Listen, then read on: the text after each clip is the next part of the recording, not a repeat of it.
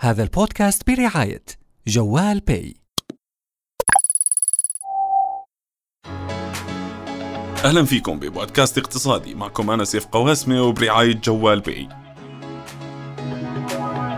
في بودكاست اقتصادي رح نجاوب كل حلقة على أكثر الأسئلة الشائعة في الاقتصاد. ونحاول نشرحها بطريقة سهلة ونعطي أمثلة عليها لتوضح الصورة أكثر. وبكل حلقة كمان رح نحكي عن المزايا والخدمات اللي بتقدمها محفظة جوال باي للأفراد والجماعات. واليوم رح نحكي لكم عن سببين بيخلوك لازم يكون عندك محفظة جوال بي للأفراد واللي من خلالها رح تقدر تحول المصاري محليا بكل سهولة وباستخدام رقم الموبايل فقط وبدون حساب بنكي.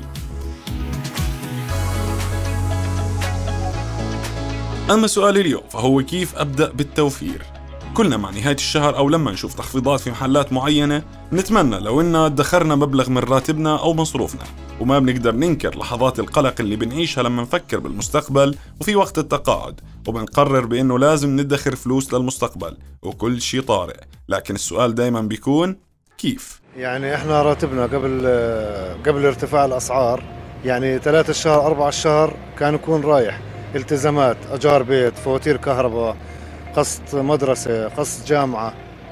بعد الارتفاع يعني صار يلتحق الواحد وياخذ 500 صار بده 1000 دينار عشان يسكر التزاماته. كان يكفيني قبل الارتفاع الأسعار حوالي 15 يوم. بعد ارتفاع الأسعار بطل يكفيني الأسبوع. والله الراتب ما كان يكفي ل 20 25 شهر. هلا. هلا بكفيش شيء كان يكفيني بنص الشهر يعني 15 شهر. كان يكون راتبي منيح لي بنص الشهر يعني 15 شهر. هلا بكون أنا ملحول صاحب الشغل بصراحة. يعني هلا أنا بشتغل هلا أنا منه علي بشتغل مجانا. قبل ارتفاع الأسعار كان يكفي هلا بعد الارتفاع الأسعار ما بطل يكفي. نهائيا بطل يكفي يعني. قبل ارتفاع الأسعار الله بهونها وبعد ارتفاع الأسعار كمان الله بهونها. بخلص من نص الشهر يعني وما على كل الأحوال ما كان يكفي. يعني ما كان يكفيني غير لنص الشهر قبل ارتفاع الأسعار. حاليا ما توقعش إنه يعني 10 أيام و يخلص. خلينا نتكلم ل 20 25 شهر كنا نبقى ملحوقين نبلش نتداين يعني هلا في الوضع الحالي إذا وصلنا 15 شهر بنكون بنعمة. قبل الأسعار كان يكفي يعني طول الشهر. هسه مع الغلا وهيك فيش بتوصليش يعني أسبوعين ثلاثة في الشهر. كله مخلص. حتى يعني بعد رفع الأسعار أه بتوقع إنه بواحد الشهر بسلمه باخذه في اليمين بسلمه في الشمال؟ كان يعني ممكن يكفي الراتب لآخر الشهر بس هلا لا. ارتفاع شديد بالأسعار. أنا كان يكفيني لآخر الشهر. بعد ارتفاع الأسعار لنص الشهر هيك يعني. قبل الارتفاع ما يجري أول أسبوع غير بلشنا نشحد. وبعد الارتفاع يدوب أول أربع ثلاث أيام. بس تشتري اغراض البيت خلص الراتب طار. أنا راح أحكي لكم كيف. وراح أعلمكم بعض الطرق اللي راح تخليكم تدخروا النقود بدون ما تحسوا بالضغط. أول شيء قبل معرفة كيفية الادخار لازم تحديد المبلغ اللي بدك تجمعه والغرض منه. فمثلا قول هذا المبلغ بده يكون للحالات الطارئة. أو السفر أو لفتح مشروع. ومعرفة هذا الغرض رح يكون أفضل حافز إلك للانضباط والاستمرار في توفير المال.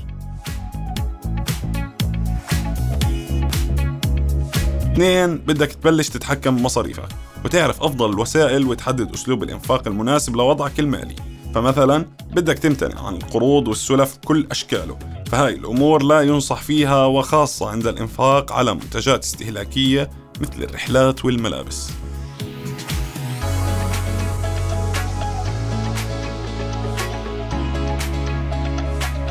ونصيحة مالية مهمة جدا بالتوفير والادخار وهي فتح حساب بنكي. بتحط فيه راتبك الشهري وحساب تاني ادخاري بتودع فيه مباشرة 10% من راتبك مع التزام صارم بعدم لمس هذا الحساب لحد ما تجمعوا المبلغ.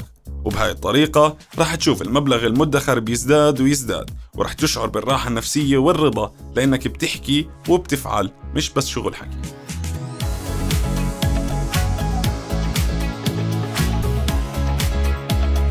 نصيحة تانية. رح تخليك تعرف تحوش قرشك وهي تجنب فخ العروض. ولتعرف تتجنبها لازم تكتسب عادة المقارنة بين أسعار السلع والخدمات اللي بتستهلكها يوميا مثل الأكل والبنزين والملابس والهاتف والتأمين.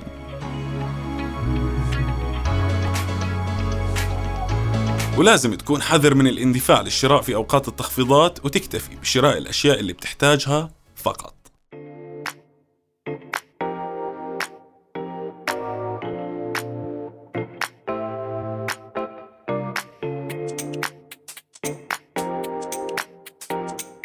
قبل ما نكمل عن طرق تخليك تعرف تدخر فلوسك خليني أحكي لكم شوي عن محفظة جوال باي واللي من خلالها رح تقدر تحول المصاري محليا بكل سهولة وباستخدام رقم الموبايل فقط وبدون حساب بنكي. ورح تقدر من خلال المحفظة تسدد فواتير كثيرة مثل فواتير الكهرباء والماء والإنترنت وغيرها من الفواتير الخاصة بسهولة وسرعة وأمان. ومن ميزاتها أيضا هي توفير الوقت فخدمة تحويل الأموال بتسهل وبتسرع العمليات المالية الروتينية للشركات أو التجار. ورح توفر لكم إمكانية إدارة عمليات الدفع الإلكتروني ومراجعة وتنظيم الحركات المالية.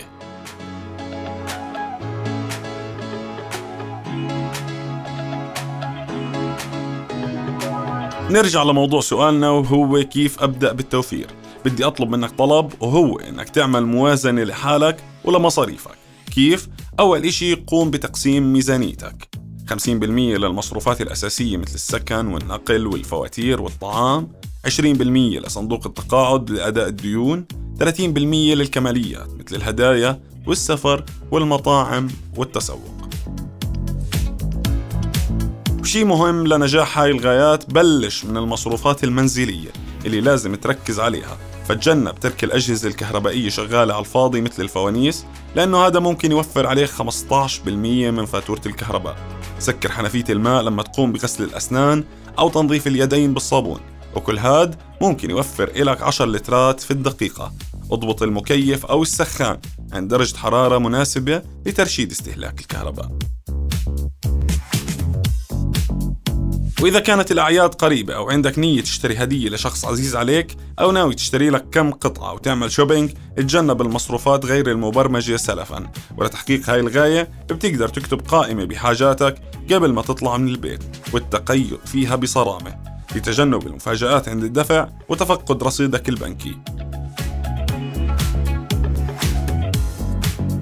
وهلأ أكيد عندك سؤال محيرك وهو متى الوقت المناسب لأبلش بالتوفيق. الجواب هو الآن.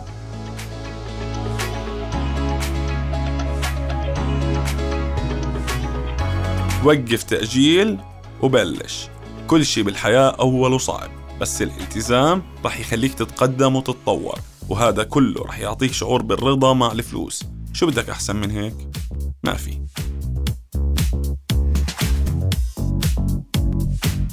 هون بنكون وصلنا لنهاية حلقة اليوم من بودكاست اقتصادي. استنونا الأسبوع الجاي بحلقة جديدة. معي أنا سيف قواسمة. لأجاوبكم على أسئلة شائعة في الاقتصاد. وأحكي لكم أكثر عن مزايا مهمة لمحفظة جوال بي للأفراد والشركات. سلام. رؤيا بودكاست.